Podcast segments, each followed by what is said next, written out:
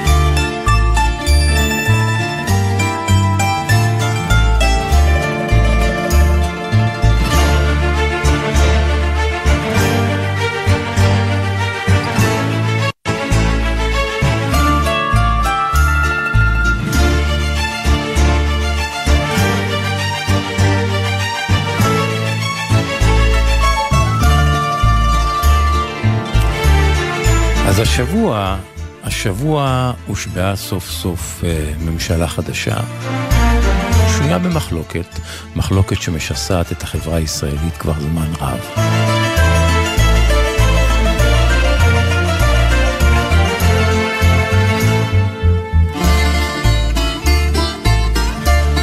האופטימיים מקווים ומייחלים שתצליח, והפסימיים, הפסימיים, מיואשים ונטולי תקווה.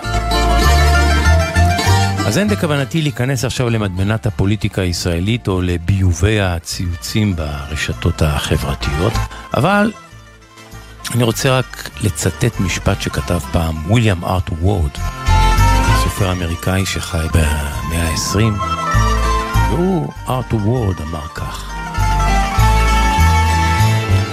הפסימי מתלונן על הרוח. האופטימי מצפה שהיא תשתנה. והחכם, החכם מכוון את המפרש בהתאם לרוח. הפסימי מתלונן על הרוח, האופטימי מצפה שהיא תשתנה, והחכם מכוון את המפרש בהתאם. סופר אמריקאי ארתור וורד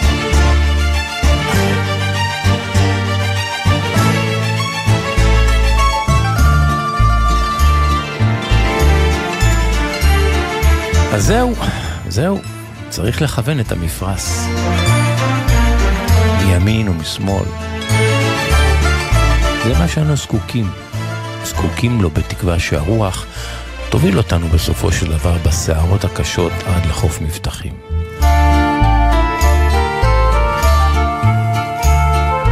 הלוואי. אז אתם על העונג השישי במרחק נגיעה מ... השבת הנכנסת, מניחוחות התבשילים לארוחת שישי, כן, מריחים, וכל הכרוך בה. העונג השישי, עומר נותקביץ' מפיק, קיקו נדב הטכנאי, כאן ואיתכם שמעון פרנס, והעונג, העונג, כולו שישי. פס μου για δε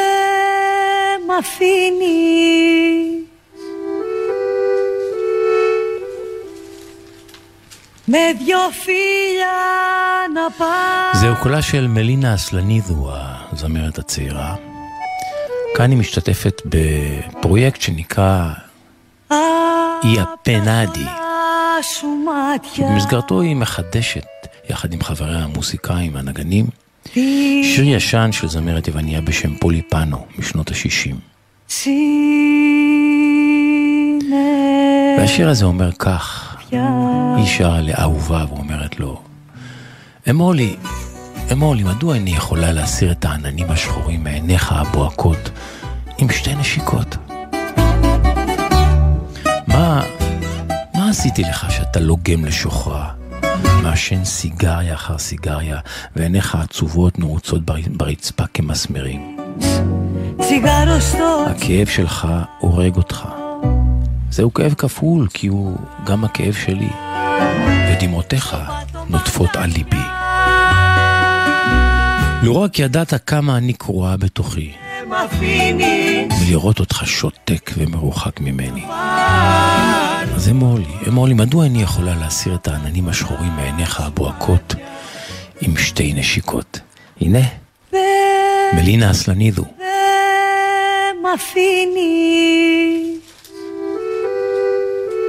מדוע אתה שותה לשוחרה? με δυο φίλια να πάρω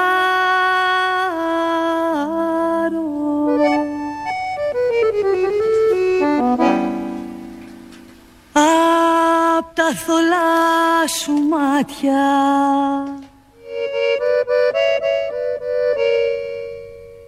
τη μαύρη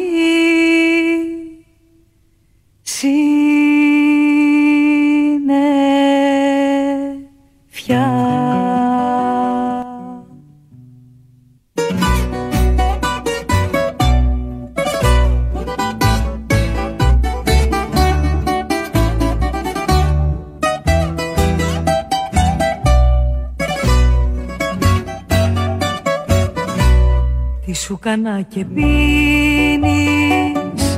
Τσιγάρο στο τσιγάρο κι τα πικρά σου μάτια.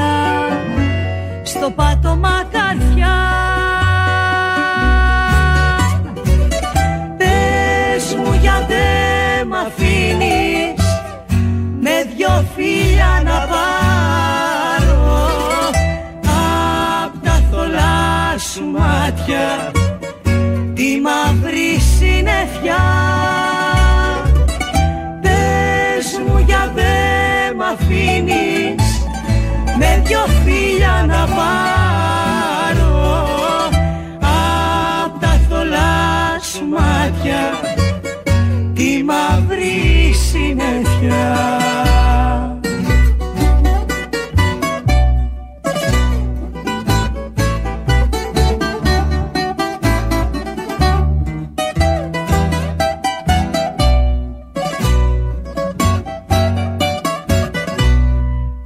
πόνοι που σε σφάζουν Πόνοι διπλή για μένα Σταλάζουν στην καρδιά μου. Τα δάκρυα που κλαις Να ξέρεις πως παράζουν Τα μέσα μου για σένα Που στέκεσαι μακριά μου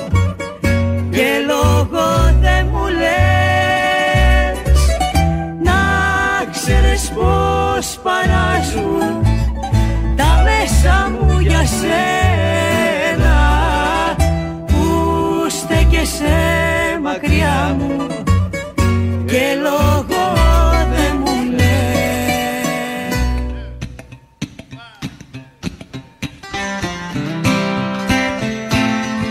חרשו את ארצות הברית לאורך, לרוחב, לעומק, צפון, דרום, מערב ומזרח, מרק נופלר, הבריטי, אמיליו האריס, זמרת הקאנטרי האמריקאי, מופע משותף שזכה להצלחה גדולה.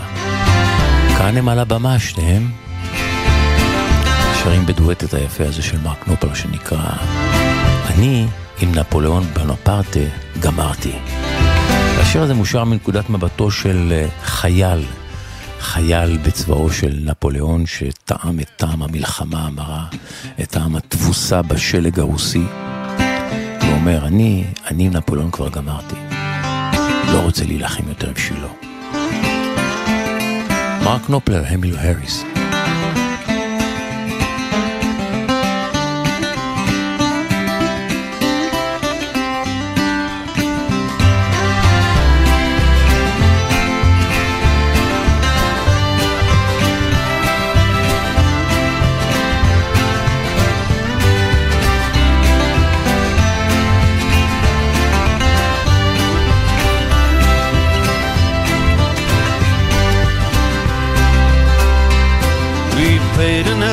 To Moscow burn.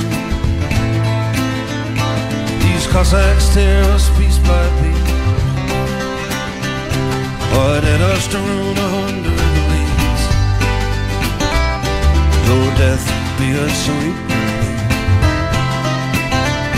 And our grand army is dressed in rags. Frozen, starving beggar.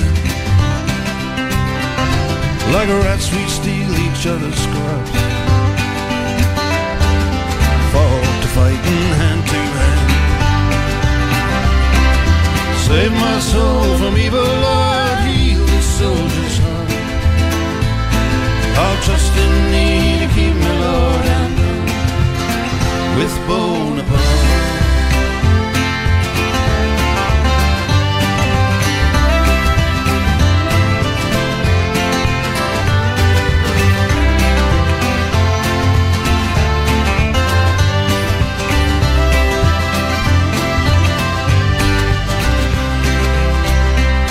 What dreams he made for us to dream. Spanish skies, Egyptian sand. The world was ours and we marched upon. A little corporal's command And I lost an eye at Austerlitz The saber Selassie had given me pain love awaits me still. Flower of the acolyte. Save my soul from evil, heal the soldier's heart. I'll trust in thee to keep me, Lord,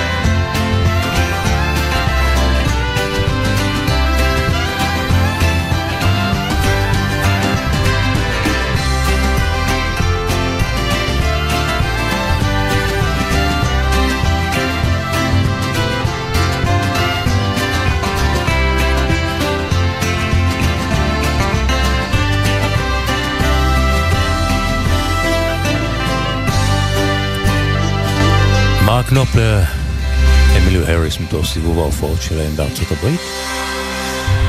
אני עם נפולון בונפרטה סיימתי.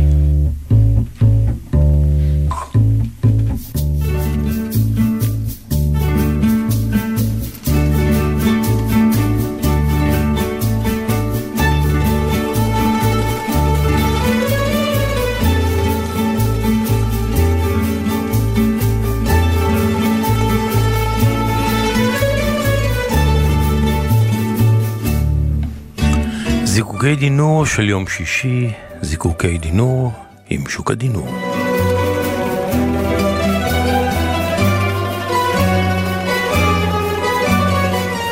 שוק הדינור, עוד מעט שבת שלום. כמעט שבת שלום גם לך, שמעון. והפעם, אתה יודע, זה זיקוקי דינור לא רק של יום שישי, אלא של סוף שנה. כן, אנחנו שבוע הבא כבר ב-2023. סוף שנה אזרחית יש לדייק. אזרחי, בוודאי, בוודאי. ורציתי להעלות נושא שמשום מה לא דיברתי עליו אף פעם. אני קורא לזה לדעת להיעזר, לדעת לקבל. לדעת להיעזר או לדעת לקבל? לדעת להיעזר ולקבל, לא אוקיי. לתת, אלא לדעת לקבל. וממרומי גילי, אני טעיתי לא פעם, מדוע קל לי לתת ולעזור, אבל קשה לי ואני מרגיש לא נוח בלהיעזר. וחשבתי האם זה עניין של כבוד או של אגו, או אולי זה החשש מהמחויבות שזה יוצר. ובשנים האחרונות, אלו היו שנים שהתהפכו היוצרות והתחלתי ללמוד מהילדים שלי. ולא מזמן בתי הצעירה, בת זקוניי, עינב, אמרה לי בחצי נזיפה, אבא תלמד, תלמד גם לקבל. תן לנו ולאחרים תחושה טובה שגם אנחנו יכולים לתת.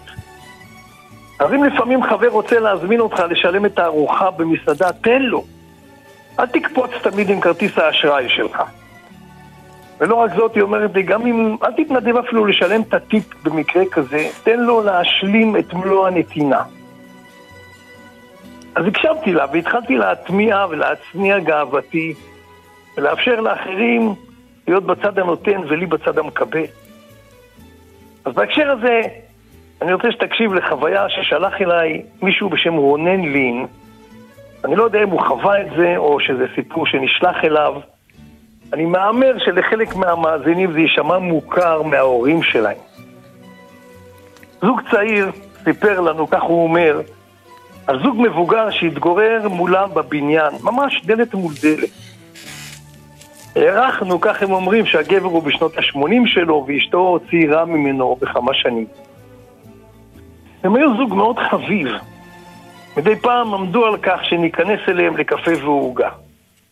ואנחנו נעתרנו לחביבותם ולשמירת השכנות הטובה והתארחנו אצלם. וכשהיינו אצלם הבחנו בריטואל די קבוע. האיש היה מבקש בנימוס מאשתו את הקפה שהוא אוהב, והיא הייתה מגישה לו את צנצנת הקפה כדי שיפתח עבורה את המכסה. זה כל כך קשה לי, היא אמרה, וידיו חזקות. והייתה התנצלות בקולה. ואז היא הייתה מכינה לו את הקפה שהוא אוהב. אז יום אחד, באחד החגים, במעין מחווה של תשומת לב ובעקבות הריטואל הקבוע של בני הזוג, הבאנו להם שתי מתנות קטנות ומרומזות ברוח הדור שלנו, ברוח הצעירי. לגבר הבאנו מכשיר קטן להכנת קפה בקפסולות, שיכין בטובעו לעצמו את הקפה. ולאישה הבאנו פותחן צנצנות אוניברסלי, שתוכל לפתוח את הצנצנות בעצמה ולא תזדקק כל הזמן לעזרה שלו. למען האמת, הם די התרגשו מזה שחשבנו עליהם. ואז בפעם הבאה שנכנסנו אליהם, שמנו לב שדבר לא השתנה. הבעל, הבעל מבקש מאשתו קפה, וזו מביאה לו את הצנצנת כדי שהוא יפתח לה. אמרנו לעצמנו, קשה לשנות הרגלים של זקנים, כך ניחמנו את עצמנו בכישלון המתנה. למחרת פגשתי את האיש הזקן בחניה ליד הרכב. הוא ברך אותי לשלום במאור פנים, ואמרתי לו, סליחה, סליחה שאני שואל אותך, כך שמעתי את קולי אומר, אבל, אבל מכונת הקפה לא מתאימה לכם? אם אתם רוצים אפשר להחליף אותה במשהו אחר. לא, הוא אמר, מתאימה גם מתאימה. ואז הוא הנמיך את קולו שאיש מלבדי לא ישמע. כשהיא לא בבית, אני משתמש במכונה שקניתם. אבל כשהיא בבית, אני מבקש זאת ממנה. חשוב לי לתת לה את ההרגשה שאין מי שמכין קפה טוב כמוה. ובכלל, שאני... לתת לה הרגשה שאני זקוק לה. אתה יודע, הרגשת הביחד הזאת שווה, שווה לי את הכל. כך הוא אמר. כמה ימים אחרי זה, פגשה זוגתי את אשתו. תגידי, פותחן הצנצנות שקניתי לך לא מוצלח? העיזה זוגתי ושאלה אותה, הוא כנראה מצוין, היא אמרה. ואני אני, אני מניחה שהייתה לכם כוונה כל כך טובה, אבל למען האמת, את יודעת, אין לי כל בעיה לפתוח את הצנצנת בידיי. אני ניגשת אליו ונותנת לו לפתוח את הצנצנות כבר שנים, כי אני מנחש שזה נותן, נותן לו הרגשה טובה שהוא עדיין חזק. ובעיקר ובעיקר שאני עדיין נשענת עליו וזקוקה לו. את יודעת, תחושת הביחד שלנו שווה לי את הכל. היא חזרה ונתנה את אותה תשובה שהוא נתן. ונזכרנו, כך מספר הזוג הצעיר, במשפט סיני עתיק יומין שאומר שכיתת הלימוד הטובה ביותר היא למרגלות אנשים זקנים. אמת. ול, ולפעמים, כמו שאתה אומר, זה כל כך נכון. כך שלח אליי רונן לין את הסיפור החביב הזה, אני לא יודע את מקורו. ואני, שמעון, אני נזכרתי בקטע קסום שקראתי בספר שנקרא נמר בירושלים. בחור צעיר בשם אורן ולדמן כתב על עץ הערבה הבוכייה. אתה מכיר את העץ הזה. זהו עץ שאני תמיד אהבתי, אבל לא ידעתי למה, ורק מהתיאור בספר הבנתי פתאום מדוע. תקשיב איזה יופי הוא מתאר. הוא אומר, יש משהו רפוי בערבה הבוכייה. לא מתיימר, כל העלים שלו פשוט נשפכים כלפי מטה. מוותרים על המאמץ להישאר זקופים וגבוהים כמו רוב העצים. ואני תוהה אם זה באמת ויתור, או אולי זאת גדולה. אין לי שום מושג. כך הוא כותב.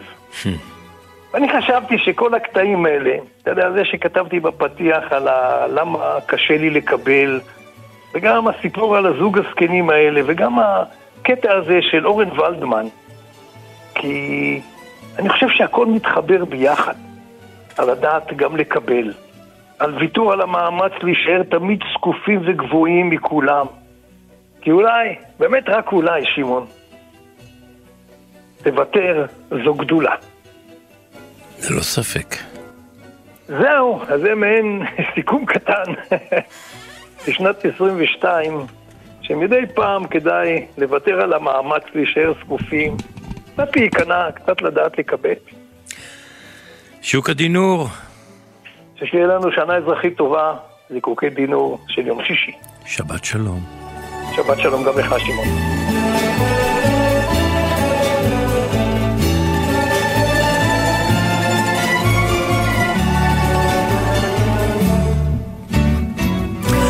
רוצים לכתוב לשוקה, להגיב לסיפוריו? כנסו לבלוג של שוקה, שוקה.דינור.נם כתבו לו, שוקה ישמח לקרוא וגם להגיב. יש לכם סיפורים לספר לו? ספרו לו. את הטובים הוא יביא כאן בתוכנית. את שוקה אפשר גם לשמוע בהסכת, בפודקאסט, גם בספוטיפיי וגם באפל.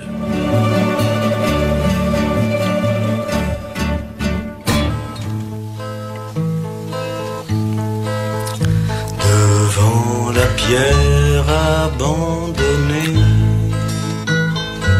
ג'ורג' מוסטקי, שר מנוס חג'ידקיס. quelques fleurs fanées. תמיד הייתה בו חיבה וקשר עמוק לשורשיו היווניים. משפחתו הרי היגרה לאלכסנדריה מקורפו שבאיי יוון, ובואו ניקח את השיר הזה, לפייר, להתחלה.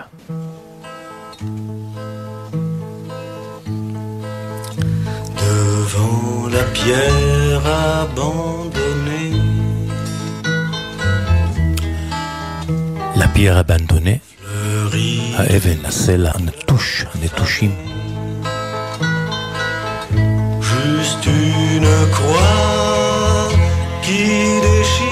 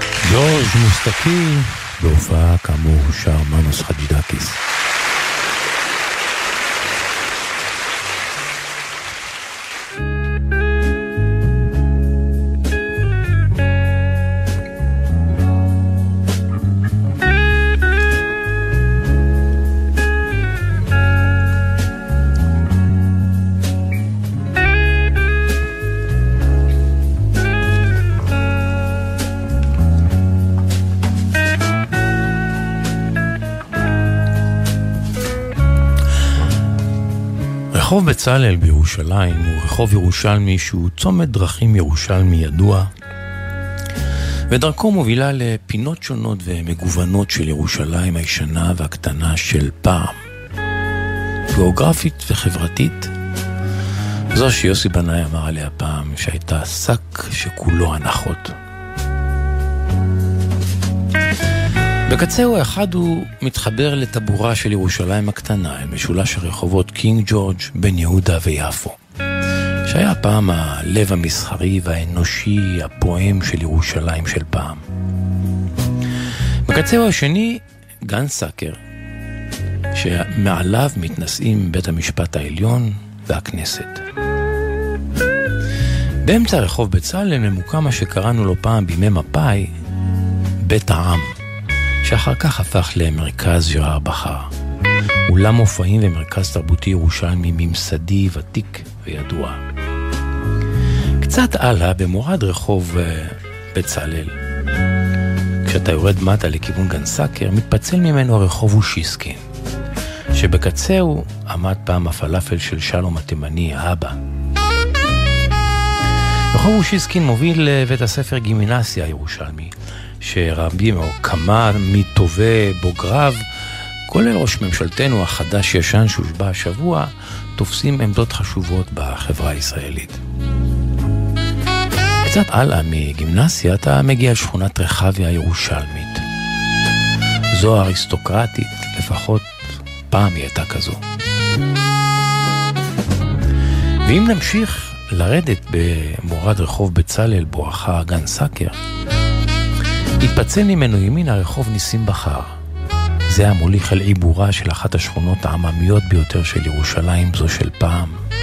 היא שכונת הפחים כפי שכונתה, או בפינו הילדים שכונת הכורדים, או בשמה התקני שכונת נחלת אחים, הנושקת לשוק מחנה יהודה הססגוני.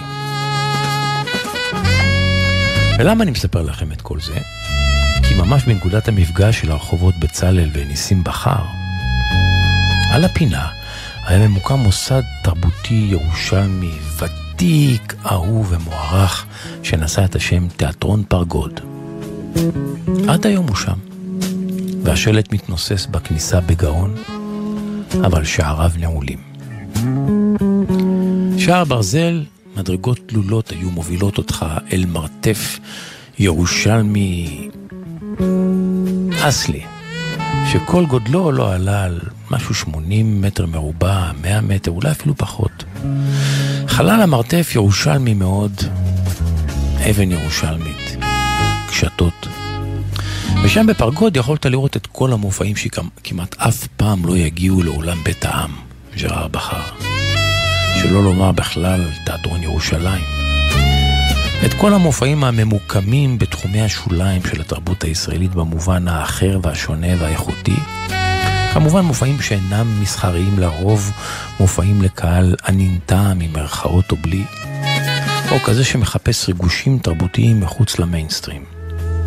מופעי יחיד, להקות מוסיקליות שונות, סגנונות שונים, ערבי שירה, ערבי קולנוע וספרות. כאלה שלא ימכרו יותר מ-50 או 100 כרטיסים, לכל היותר.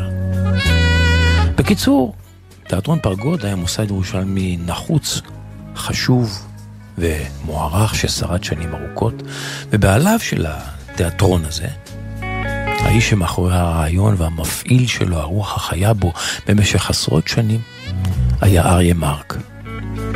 אריה היה דמות ירושלמית ציורית, והשבוע הלך לעולמו. אמרת תיאטרון פרגוד, אמרת אריה מרק. אמרת אריה מרק, אמרת תיאטרון פרגוד. הוא והמוסד שניהל חד הם. במקום הזה עזר אריה מרק לגלות יוצרים ואומנים ישראלים ונתן להם במה למופעים בתחומי התיאטרון, הקולנוע, הספרות והמוסיקה. אריה מרק היה ניצול שואה.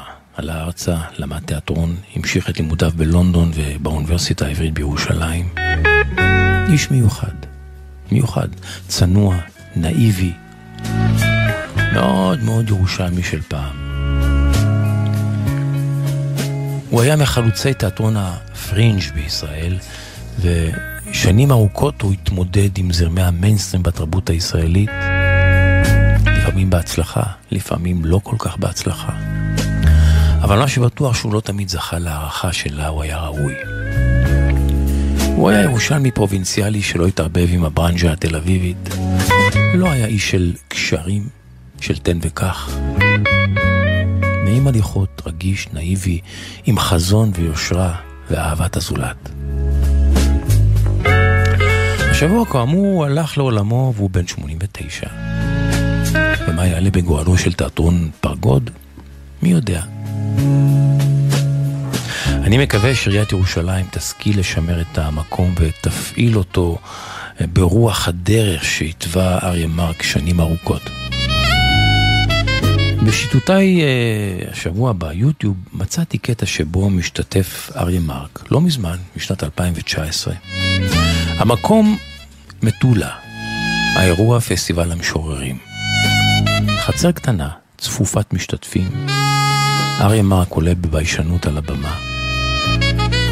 ובקולו הקטן והמאוד לא נוכח, הוא קורא את השיר. אני לא, לא בטוח שהוא זה שכתב את השיר, אבל בהכירי את אופיו אני יכול לומר שמאוד מאוד היה מתאים לו לכתוב את השיר הזה. וגם אם הוא לא כתב, הוא הרי זה שבחר לקרוא את השיר הזה, וזה לא מקרי. זהו שיר מחאה חברתי, כלכלי, שיר שממנו בוקעת זעקת הנעשקים והנגזלים והדפוקים והנאנקים תחת העול הכלכלי בחברה הישראלית. שיר שמוחה בין השאר גם על יחסי הון שלטון. אז הנה אריה מרק, זכרו לברכה, קורא את השיר בפסטיבל המשוררים 2019 במטולה.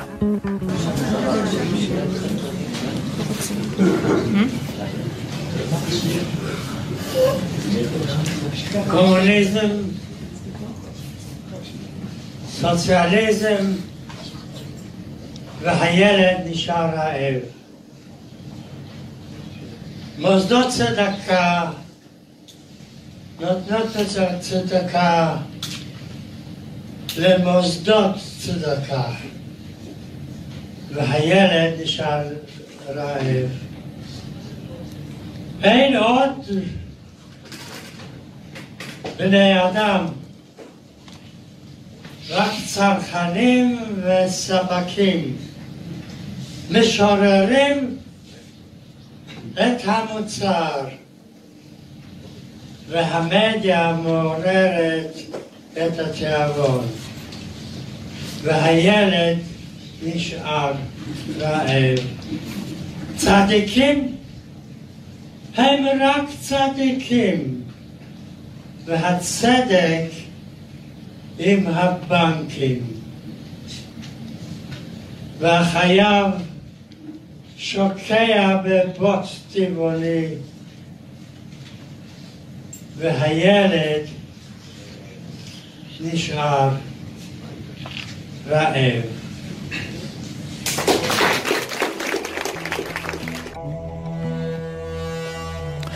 זהו קטע מנוגן חדש, יפה מאוד לטעמי.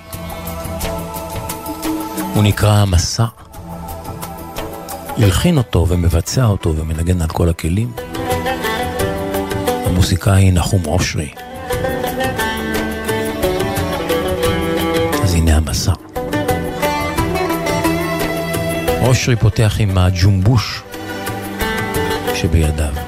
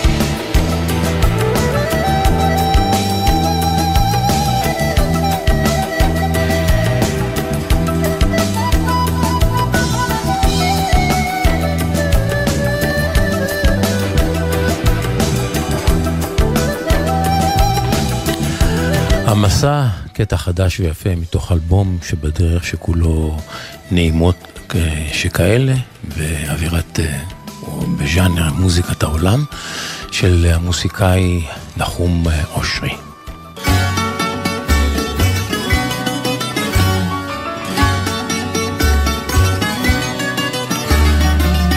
פרוטי פטינופורו, כך נקרא השיר הזה. סתיו ראשון.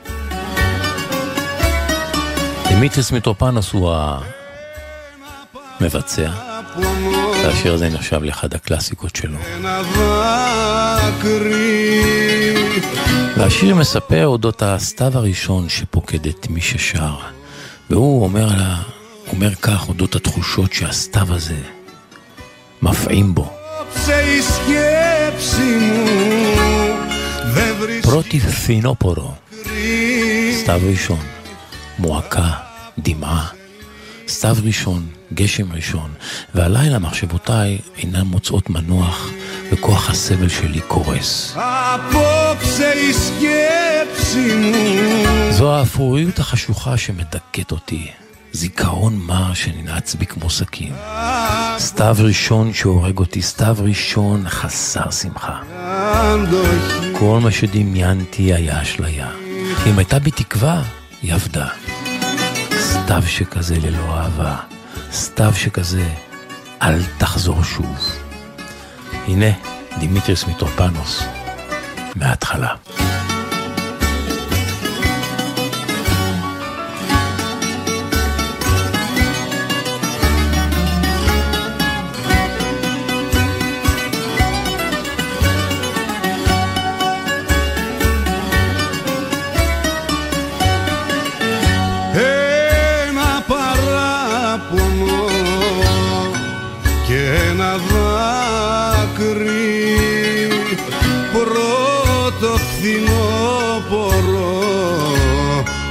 Πρώτη βροχή.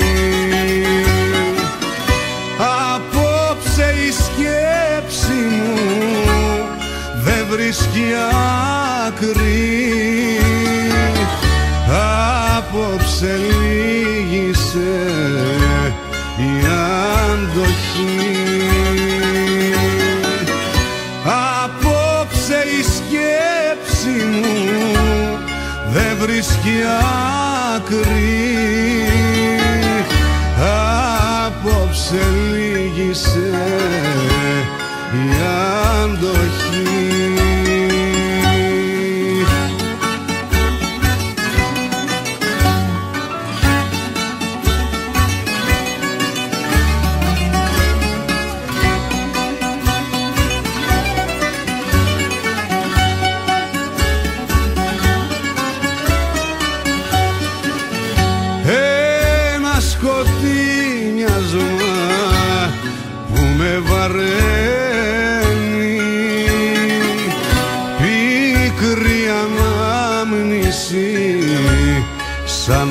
χέρι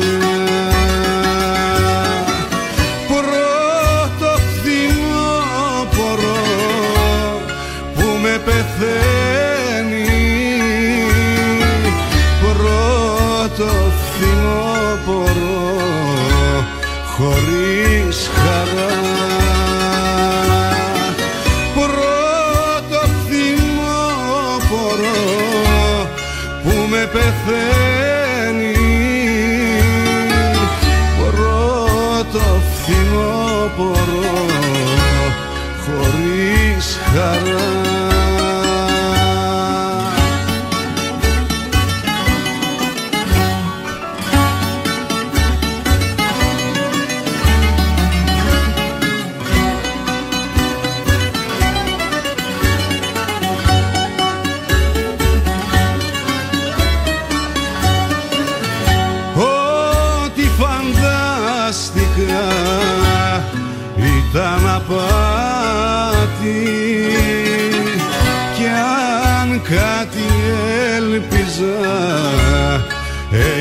dejas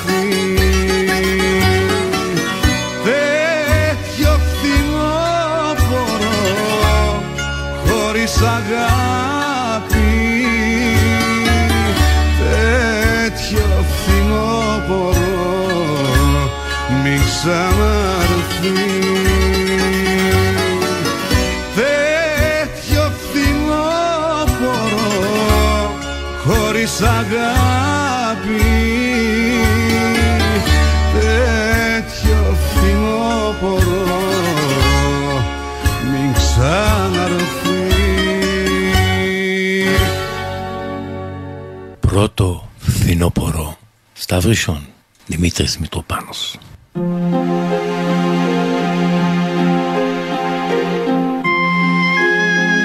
פסוקים נבחרים מהפטרת השבוע, קורא השחקן יוסי קינן.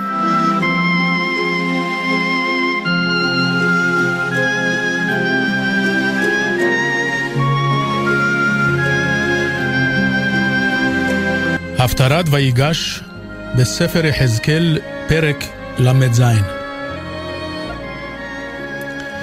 ויהי דבר אדוני אלי לאמור, ואתה בן אדם, קח לך עץ אחד, וכתוב עליו ליהודה, ולבני ישראל חבריו, ולקח עץ אחד, וכתוב עליו ליוסף עץ אפרים, וכל בית ישראל חבריו.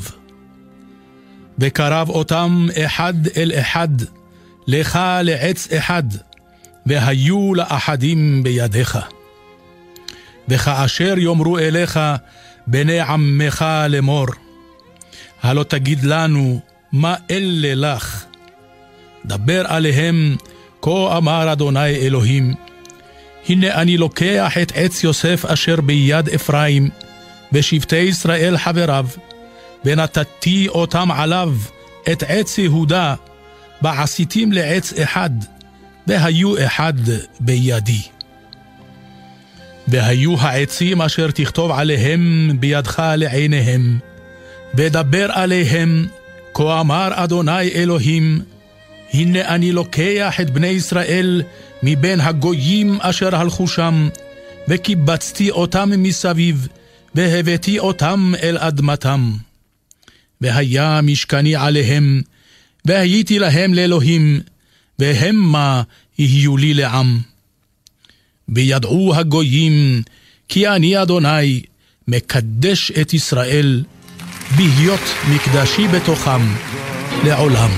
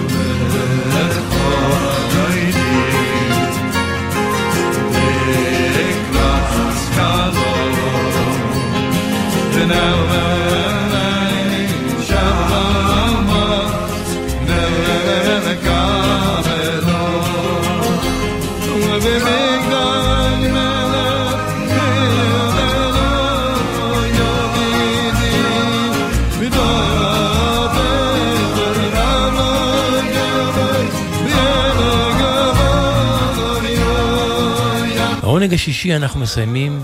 תודה לכם שהייתם איתנו. נאמר תודה לעומר נותקביץ' שמפיק, לקיקו נדב הטכנאי. אם תרצו ניפגש כאן גם מחר, גלי צה"ל, בין 12 ל-2, שבת עם העונג השביעי. שבת שלום.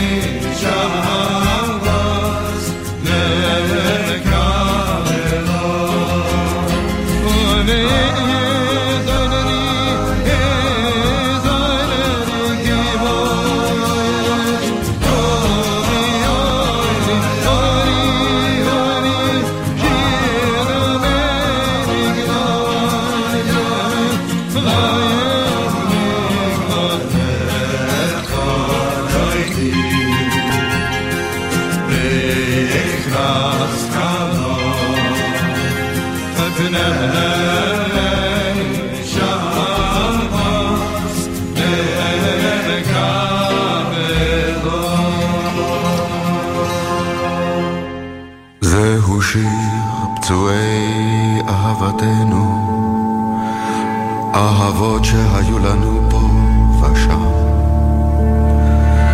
עד שהתרצתה לנו אהבתנו, ויותר לא הצטרכנו אותם. וגם אנחנו קצת מדוכרים נותרנו, בסדקת אל אהבתנו יחד איתם. זהו שיר פצועי אהבתנו, שאהבו אותנו, שאהבנו אותם. אוי,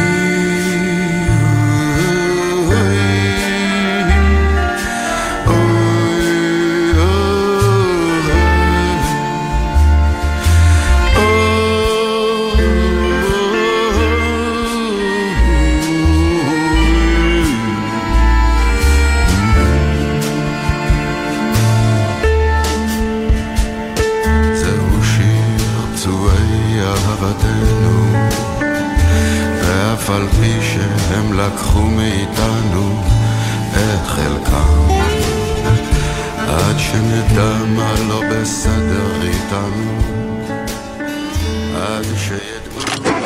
מה נשמע, נשמע, סוף השבוע, היית של החיילים. גלי צהל כל הזמן. מקבלים את השנה האזרחית החדשה בגלי צה"ל. מחר, בשמונה בערב, חגיגת נוביגוד. אלכס ריף וריקי בליך מארחות סביב שולחן החג. בעשר, אלמוג שור ודניאל מורשת מקבלים את השנה החדשה עד רגע הספירה לאחור. ובחצות, מסיבה. איחוד שידורים עם גלגלצ אל תוך הלילה. שנה אזרחית טובה מגלי צה"ל.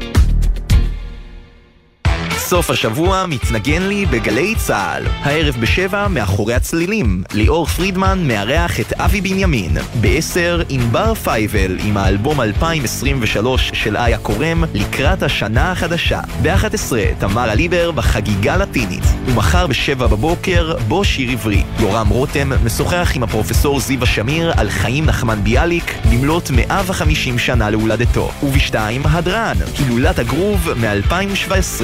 סוף השבוע מתנגן לי בגלי צה"ל. כל שבת ב-10 בבוקר, יורם סוויסה לוקח אתכם למסע מוזיקלי. והשבוע, מסע עם האחיות קרקוקלי. אתן רבות גם לפעמים? בטח. הקשר שלנו הוא האהבה הכי קיצונית, והמזל שלנו, שמבחינה מוזיקלית, הטעם שלנו הוא כמעט זהה. מסע עם יורם סוויסה, מחר 10 בבוקר, ובכל זמן שתרצו, באתר וביישומון גלי צה"ל. מיד אחרי החדשות